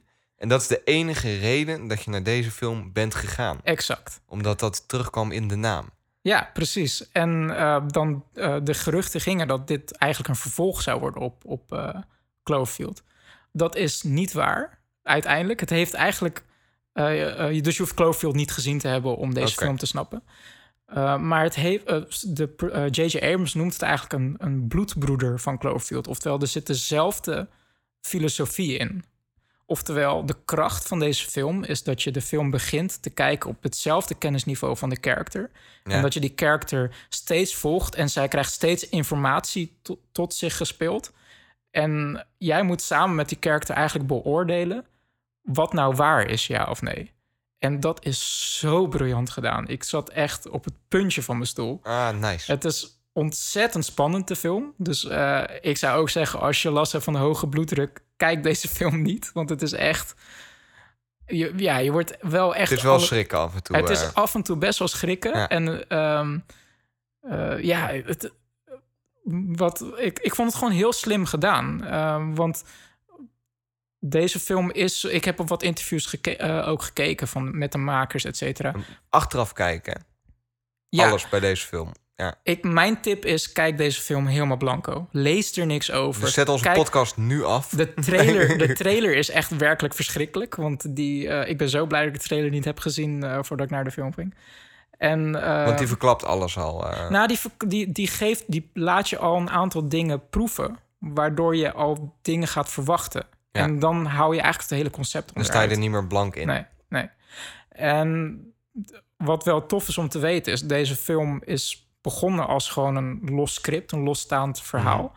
Mhm. En toen J.J. Abrams bezig was met, met, met de script en de productie van de film... ehm, kreeg hij het idee, om, omdat hij dus een soort patroon merkt... van de, de filosofie van deze film, komt heel erg overeen met Cloverfield... ehm, kreeg hij dus het idee om, om deze film, deze script in dezelfde universe eh, eh, als Cloverfield te laten afspelen. En eigenlijk hint hij ernaar dat hij eigenlijk wil toewerken naar meerdere films die eigenlijk allemaal losstaande verhalen zijn, maar die allemaal wel dezelfde filosofie hebben van eh, ehm, ja spanning, storytelling. eh, dat ze eigenlijk het wordt wel vergeleken met Twilight Zone, dat het in dezelfde wereld kan afspelen. Mhm. Ehm, maar ze hebben niet Niet te Per- verwarren met Twilight, overigens. Nee, absoluut niet. Nee. Maar dat ze b- b- eh, bij sp- van spreken in dezelfde universe zich af kunnen spelen. Dat, eh, eh, de ene film speelt zich af in, in Los Angeles en de andere film speelt zich af in New Mexico, ik noem maar wat. Ja. En die verhaallijnen die hebben, die, die hebben geen overgang, maar ze- het speelt zich af in dezelfde sfeer, in dezelfde setting. Mhm. En ja, ik zeg, het is ontzettend geslaagd. Oké. Dus, Ik denk dat we het hier ook bij moeten Ja. laten, anders ga je echt dingen verpesten. Ja, klopt. Maar dan ben ik wel benieuwd. Eh, wil je deze film nu zien, nu ik dit verteld heb? Ja, heel erg. Ja. Ja. Maar ik ga eerst Daredevil afkijken. Ja, dat, dat sowieso. Ja, maar ik ga hem wel even kijken, maar ik denk niet in de bios. Ik heb geen paté-pas en zo, dus eh, Oh. ik denk dat ik hem gewoon even download. Ik, ehm, dan wil ik er nog één ding over zeggen. Ik ga wel in de bios kijken. Of- ik heb hem in IMAX gekeken. Het geluid was knijterhard. Ja, Maar dat paste zo... Normaal vind ik dat super irritant. Maar bij deze film paste dat zo goed. De, geluids, de geluidseffecten Oké, waren echt ik ga keihard. IMAX kijken. De muziek was awesome, gemaakt door eh Bear McCreary, die ook de soundtrack heeft gedaan van eh, Battlestar Galactica en eh, The Walking Dead. Muziek is echt awesome van de film. David is echt de feitenmachine. Gooi een onderwerp eruit en er komen allemaal nutteloze weetjes uit. Boeit mij het nou wie die muziek gemaakt heeft, man? Ik zat echt letterlijk in de bioscoop. De, eh, eh, bij de opening van de film eh, staat music bij Bear McCreary. Ik dacht gelijk van, oh yeah, dit wordt echt awesome. Beer. Ja. Oké. Eh Ten Cloverfield Lane. Ga hem kijken als je, dat, als je dat na dit verhaal van David tof lijkt. Zo niet, kijk hem dan niet. Deep Mind. DeepMind, ja, AlphaGo Ja, cool hè? van Google. Ja, het is eigenlijk jammer dat we dat als laatste onderwerp doen. Want dit is, Nou, wel, we, doen- we doen het weer even weer op een andere volgorde. dit is wel echt significant, zeg maar, voor ons als mensheid. Ja, het is wel... Meer dan Ten Cloverfield Lane, zeg maar. Oh ja, dat zeker. Ja, Ja. sowieso. Wat is er gebeurd? Er is een eh, project van Google en dat heet DeepMind. En dat is eigenlijk een project waarin eh, Google probeert om artificial intelligence eh, te perfectioneren eh, aan de hand van deep learning. Dat zijn allemaal heel lastige termen, komt erop neer. Ze zijn gewoon een, aan het proberen met een computer zo dicht mogelijk bij de menselijke keuzemaak of beslissingsfactoren Ja. te komen, zeg maar. Ja. Zo moet ik het misschien zeggen. Ik denk dat dat het meeste lading dekt. Ja, self-learning eigenlijk. Dat de computer zichzelf dingen aanleert. Ehm, sowieso vind ik het wel grappig dat je zegt Google probeert. En ik lees overal van Google's eh AlphaGo eh, en Google heeft dit gedaan, Google heeft dat gedaan. Het bedrijf, het bedrijf heeft, heet DeepMind Ja, en die is in 2014 gekocht door Google. Maar DeepMind is al veel langer dan 2014 bezig met, met artificial intelligence. Dus aan de ene kant vind ik het wel Ja. beetje jammer of zo dat Google met, Ja. de, met de eer strijkt of zo. ben ik niet helemaal Nee? met je eens. Nee. Waarom niet? Omdat je eh, misschien die perceptie ook hebt omdat het om Google gaat. Als Apple een bedrijf Oh, opkoopt Ja, ja.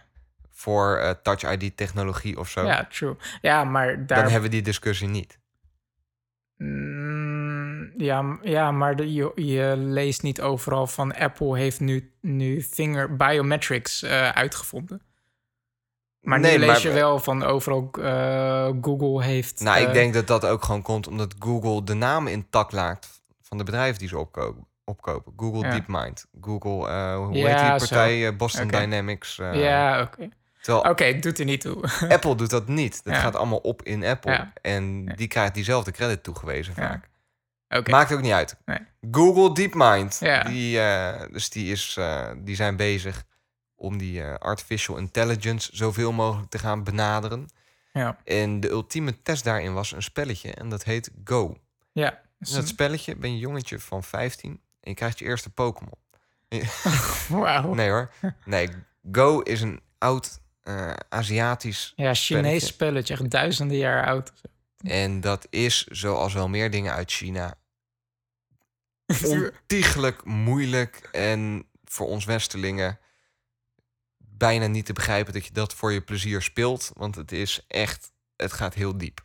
Nou, dat is wel grappig, want, want ehm, ik, ik heb me wel een beetje verdiept in de regels van Go. Ja. En ehm, de regels zijn niet eens zo, zo moeilijk. Ik, ik denk dat je Go, de principes van Go, Mhm. sneller door hebt dan schaken. Ja, Want bij schaken moet je eigenlijk veel, dat heeft veel meer regels dan Go. maar veel minder mogelijkheden.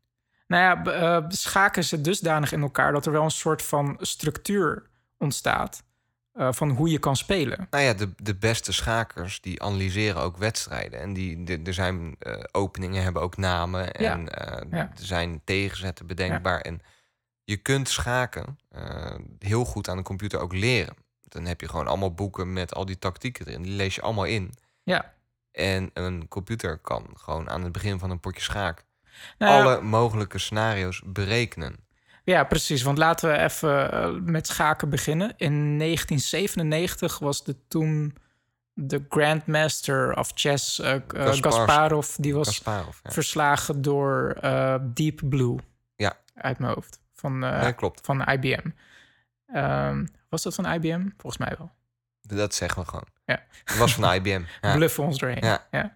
En ehm, het kwam er eigenlijk op neer dat de computer die kon gewoon op een onmenselijk hoog niveau kon die alle mogelijke eh, zetten berekenen. Nou, En dan kon die constant eigenlijk berekenen van, nou ja, eh, als ik deze zet doe, dan is dit de meest eh, efficiënte manier. gewoon waardes toekennen Ja. aan bepaalde zetten Ja. met de toekomst, ja, alles doorberekend. Ja. Dus En- niet bewust beslissingen maken. Nee, nee. Tenminste wel onderbouwd, maar niet, niet met een emotionele of weet ik veel wat voor waardes daarachter. Het is puur rekenwerk. En als jouw processor maar snel genoeg is om dat door te berekenen. Precies. Het is, eh, dat noemen ze ook wel de brute force techniek. Dus eigenlijk Ja. ook net als met een... eh, als je een wachtwoord wil kraken en je weet dat het uit vier cijfers bestaat... dan ga je gewoon als een malle al die codes af. 1111, 1112. En dat eh, deed tot op zekere hoogte eh, Deep Blue ook met schaken. Die ging gewoon alle mogelijke spelopties langs. Constant. Ja. Bij iedere zet weer. Ja. Daarnaast heeft eh, ehm, schaken ook ehm, elk, elk eh, eh, pion, zeg maar, Heeft een elk, waarde. heeft, een, heeft in principe een vaste waarde. Ja. Ik bedoel, de, de koningin, dat is de meest waardevolle. Nee, je, kunt ook waardes aan toekennen. Gewoon. Ja, Ja, je ja. kunt zeggen een pion is twee punten en de koningin is tien punten. Ja, Ja. En dan kun je met offer zetten. En dat, dat is wiskundig heel goed te berekenen Ja, allemaal. ja, precies. Nu gaan we dat vertalen, maar eh, nu gaan we naar het vertalen naar Go en waarom Go dan zo lastig was voor computers. Ten, eh, om te beginnen, het bord eh, is 32 bij 32. Ehm, en dus de, het aantal. ehm, en je mag per turn Ja. mag je in principe overal een steen neerzetten. Je hebt een zwarte en een witte kant. Eh, en om de beurt wordt er op, op een plek op het raster wordt een steen neergelegd. Ja. En de bedoeling is dat je eh, de stenen van jouw tegenstander omsingelt. Dus eh, elke steen, als een steen helemaal vrij staat, dan heeft hij vier liberties, noemen ze dat. Dus vier vrijheden. Ja. Dus er zijn vier kanten die vrij zijn voor de steen. Als je een witte steen bijvoorbeeld omsingelt door vier zwarte stenen, Mhm. dan heeft de witte steen nul liberties. ja. Dus Nul dan- vrijheden. Ja, dus dan is hij gevangen genomen. Dan eh, heb je een punt gehaald. En ehm, je kan dus overal op het bord kan je gewoon een steen neerzetten, om's de beurt. Ehm, dat heeft een aantal dingen tot gevolg. Ten eerste, een, een steen die heeft niet een vaste waarde. Op basis van de configuratie van het bord en waar de stenen staan, Krijgt hij een waarde toe. krijgt hij een Ja. waarde. En dat kan constant bij elke zet, kan dat bij wijze van spreken veranderen. Ja, gaan ook alle waardes van alle stenen veranderen weer. Want je Ja. past het speelveld aan. Eh, Precies. Ja. Eh, dus dat is één. En ten tweede, omdat je dus gewoon elke keer weer op elke willekeurige plek, bij wijze van spreken, een steen kan neerzetten. En het bord is zo groot. Het aantal te spelen spellen, Mhm. zeg maar, aantal mogelijke games die gespeeld kunnen worden op. Go, is dusdanig groot. Het is veel hoger in ieder geval dan het aantal atomen in, het, in de observable universe. Dat is heel hoog. Dat ja. is heel hoog. Het Dus- aantal atomen, hè? Dus Ja. dat gaat heel ver. Dat is echt een, een een met heel veel nullen. Ja. Ja, dus dacht ik iets van 10 tot eh 200. Misschien zeg ik iets heel geks, maar dat, dat dacht ik. Eh, maar dat komt er eigenlijk op neer. Dat kan je niet brute forcen. Dat is te veel om te berekenen. Nog niet, hè? Wie weet. Niet eens kan nog komen. Dat is waar. Maar ehm, ja, het, het grappige daaraan is als je, als je Go-spelers hoort praten over het spel. ehm, als zij spelen, kunnen ze soms gewoon niet uitleggen waarom ze een zet doen. Ze hebben eigenlijk, eh, ze hebben het er wel eens over. Deze zet voelde goed. Ja. Er komt best wel. eh, het, het is ook een visueel ook een heel mooi spel. Naar, naarmate het spel vordert, ontstaan er hele mooie patronen van witte en zwarte stenen die, die als, het- slang, het- als slangen om erg, elkaar heen Ja. bouwen. En dat visuele aspect, eh, Mhm.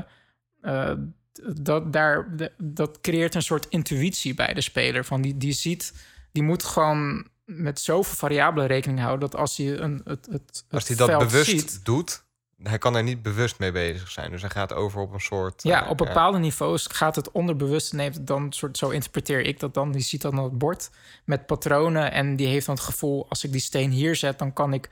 eh, ze hebben het ook eh, ehm, over gebieden van ja, he, he's attacking the, the, the top bottom of the, the top right corner of die, die, moet- die is dit gebied aan het defenden. En ehm, ik heb een aantal van die games eh, eh, gekeken, want het werd toen ook live gestreamd via YouTube. En dus het was echt super interessant om, om eh, de commentatoren erover te praten. Hoe ze met termen speelden als, als aanvallen, verdedigen. En deze groep is zwak aan het, worden, aan het worden of weer sterk aan het worden. En ehm, dat, het, het, het oogde echt super mooi en interessant. En, maar het is dus heel grappig om te horen dat Go-spelers ook best wel intuïtief dus spelen. Ja. En dat hebben... Dat maakt het voor een computer nog veel lastiger. Ja. Want je kunt niet berekenen wat je tegenstander most likely, dus het meest waarschijnlijk gaat doen. Ja, Als die ja. tegenstander dat niet kan uitleggen. Ja, ja.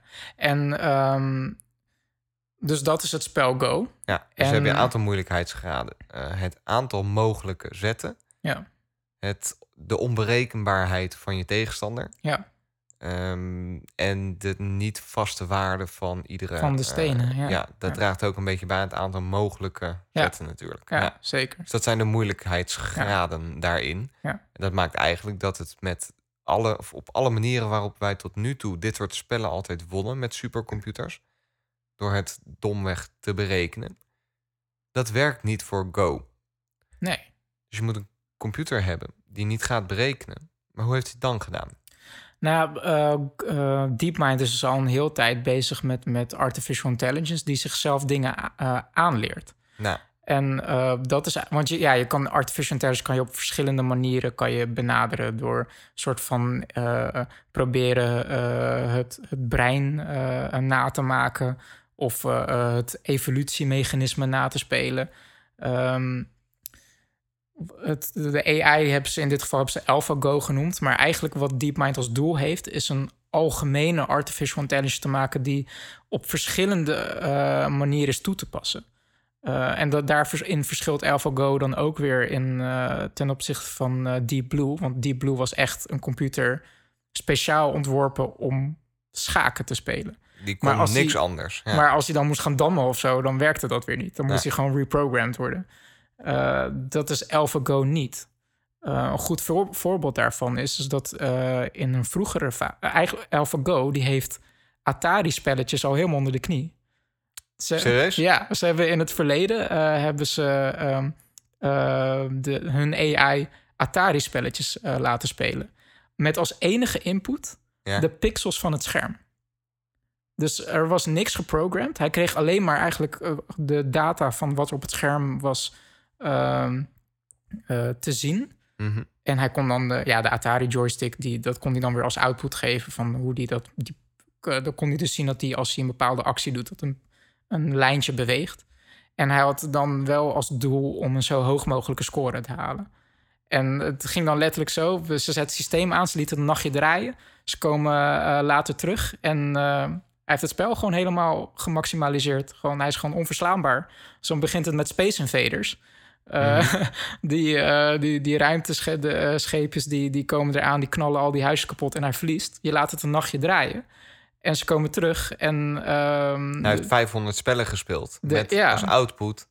de AI is constant, die, die kan gewoon bijna voorspellen waar de, de, eh, de, de aliens naar beneden komen. Die, die, elk schot die die afvuurt raakt iets. Zelfs als de bonus spaceship lang, langs komt vliegen, raakt hij die perfect. Ehm, eh, een nog een mooier voorbeeld was, eh, volgens mij heet dat Atari-spelletje Breakout. Dat Ken is, ik niet. dat is zeg maar, dan heb je een soort muur bovenaan en dan moet je met een soort pingpongballetje, moet je steeds het balletje omhoog slaan en steeds blokjes weg. Oh ja, ik, ik Weg, ken het wel. eh, ja. eh, ik heb geen idee hoe het heet, maar ik heb het wel veel gespeeld. Ja, volgens mij er waren meerdere versies. De versie die ik me kan herinneren was Breakout.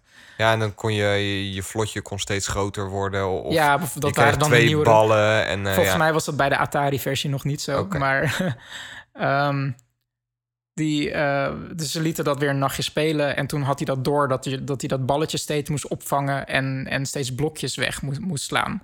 Toen dachten de researchers, wat als we hem nog gewoon een nachtje laten staan? de, hebben ze dat gedaan. Volgens komen ze terug.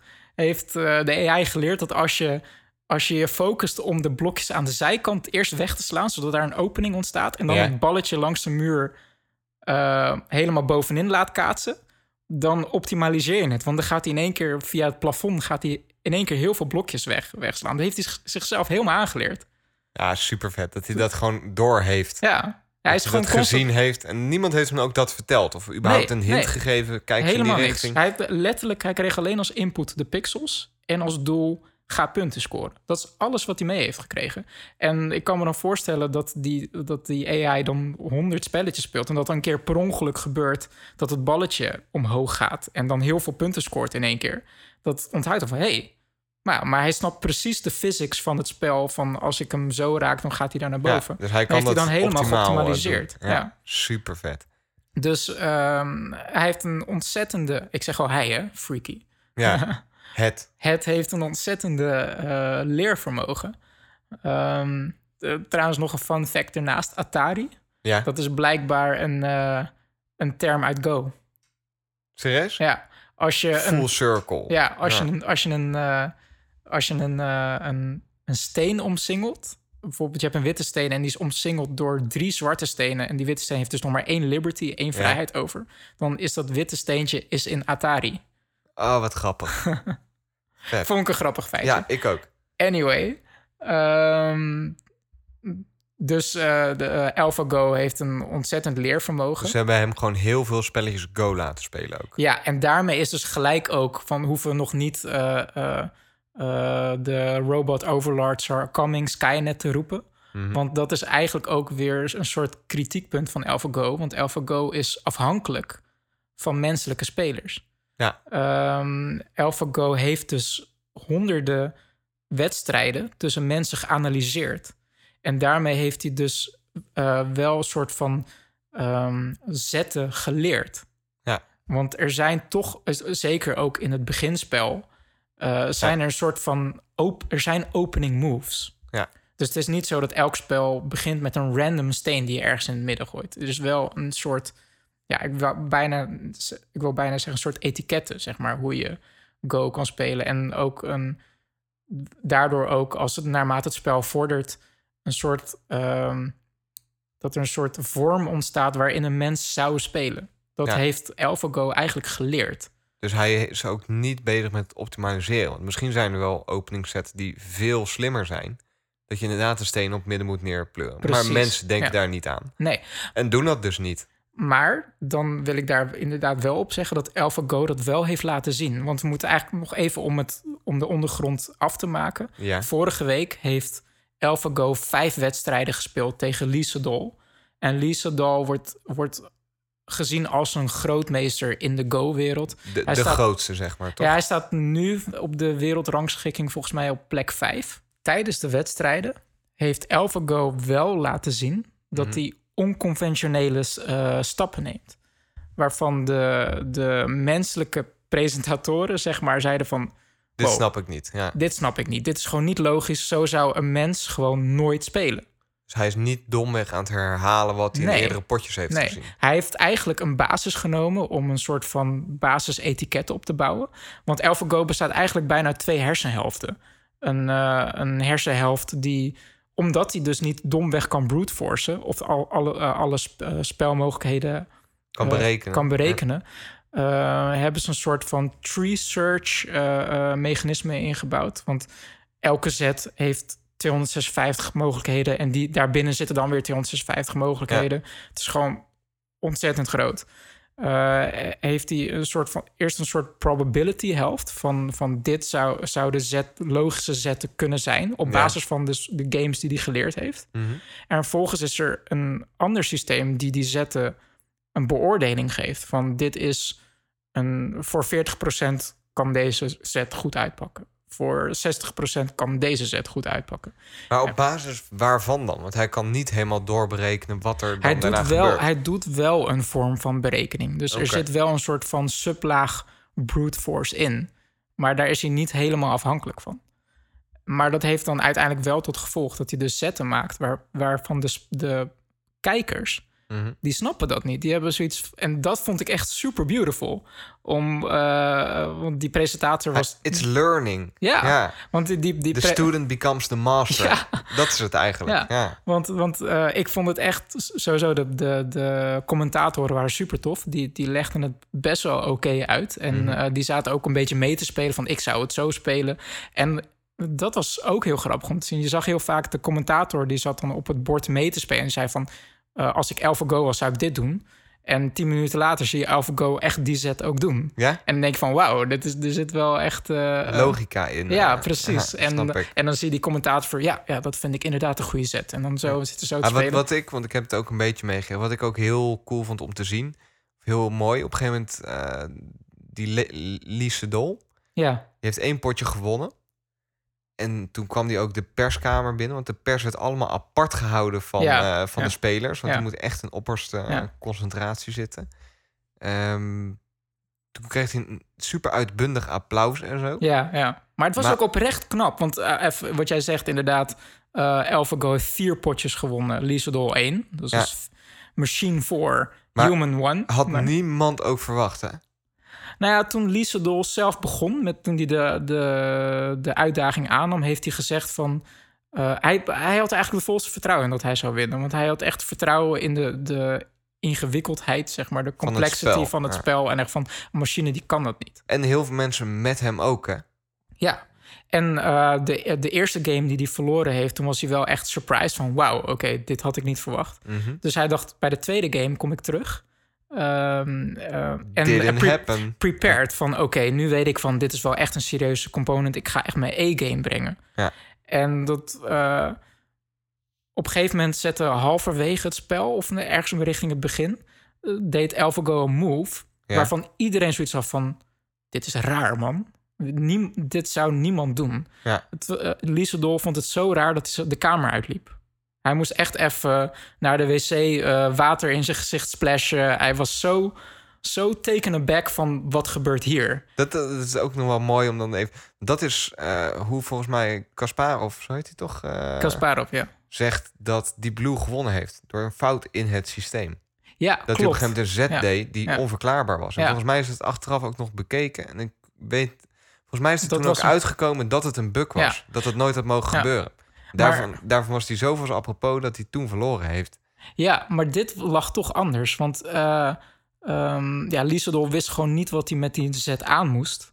Hij had, hij had gewoon zoiets nog nooit meegemaakt. Een beetje paard van Troje achter Ja, je idee van, volgens is de- het trap? Het, het, is trap. Ja. het, het spel vordert. En eh, het spel is afgelopen. Liesedol eh geeft op. Dus AlphaGo heeft de tweede match gewonnen. Mensen analyseren het spel en gaan terug. En die zien dan van...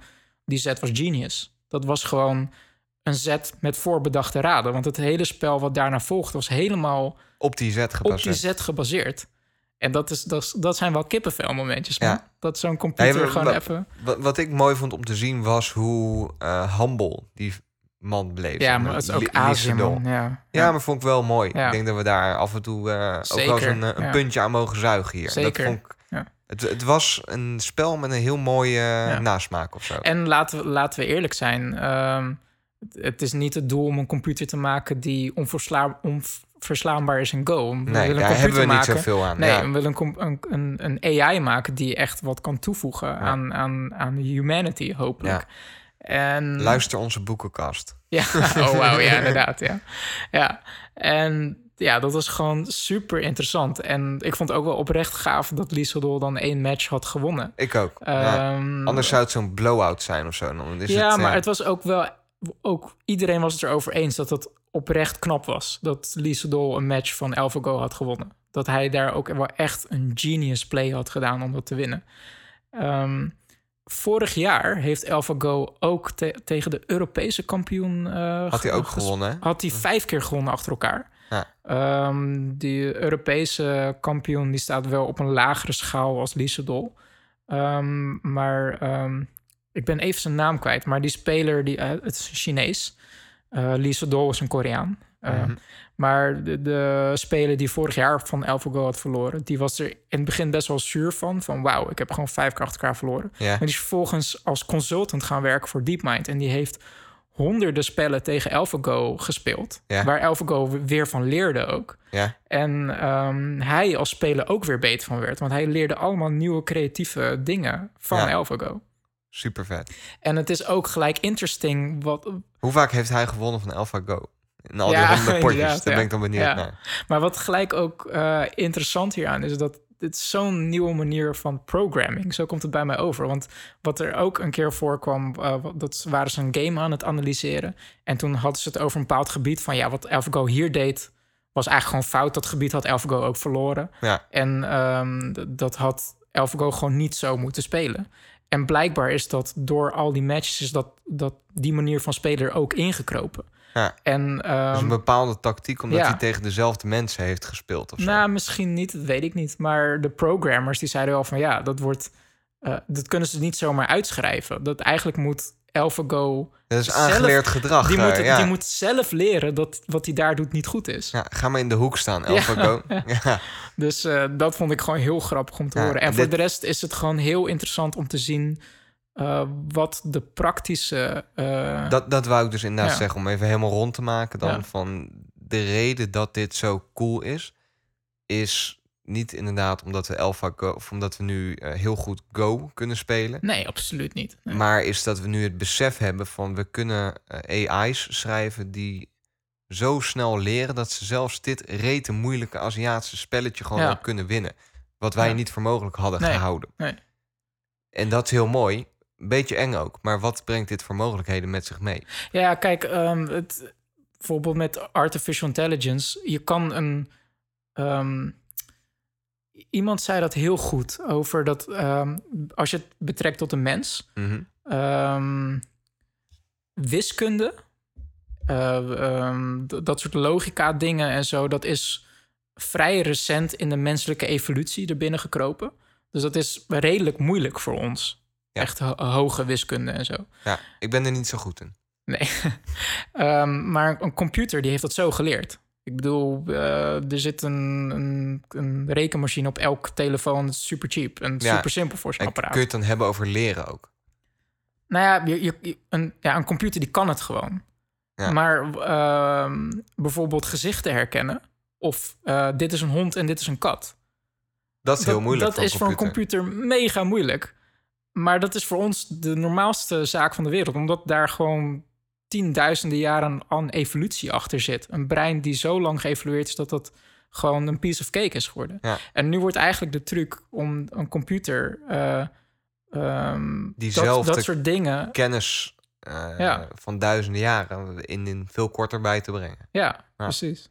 En dat is heel cool, ja. En, en dat is eigenlijk de, een van de technieken wat DeepMind nu aan het eh, exploren is. En ja, wat, of dat dan eh, het, eh, de apocalypse wordt of de onsterfelijkheid van de mens, dat is eh, ja, nog dat, maar de dat, vraag. is, dat is spannend nu. ja. We, we weten het snel, ja. Stay tuned voor de next episode. Of. Nee, maar dan denk ik dat we wel mooi, mooi rond zijn, toch? ja, man. Ja. Het is weer een wat langere aflevering geworden. Volgens mij. Ik, ik, gok, ik gok een uur en twintig minuten. Iets langer misschien. Lieve luisteraars, bedankt eh, voor het luisteren weer. Heb je prangende vragen, feedback of wil je gewoon even iets kwijt? Je weet ons te vinden via de gebruikelijke kanalen, mail, Facebook, etc. Gooi er even een Google uit en eh, je vindt ons. Ehm, David, jij weer bedankt voor volgens mij weer een, eh, een geslaagde aflevering. Ja, jij ook weer bedankt. Geen probleem. Super gezellig super vet. Ja, Nogmaals, bedankt voor het luisteren. Als je het leuk vindt, check onze nieuwe podcast, De Boekenkast, ook eventjes. En eh, live long and prosper. ciao. Hoi hoi. Als je weer met plezier naar de zeepkast geluisterd hebt, kun je ons op een aantal manieren ondersteunen. Dit kun je doen door een review achter te laten in iTunes, de App Store of in Overcast of Stitcher. Deel de zeepkast met je vrienden en kennissen en like ons op Facebook. Nogmaals, enorm bedankt voor het luisteren.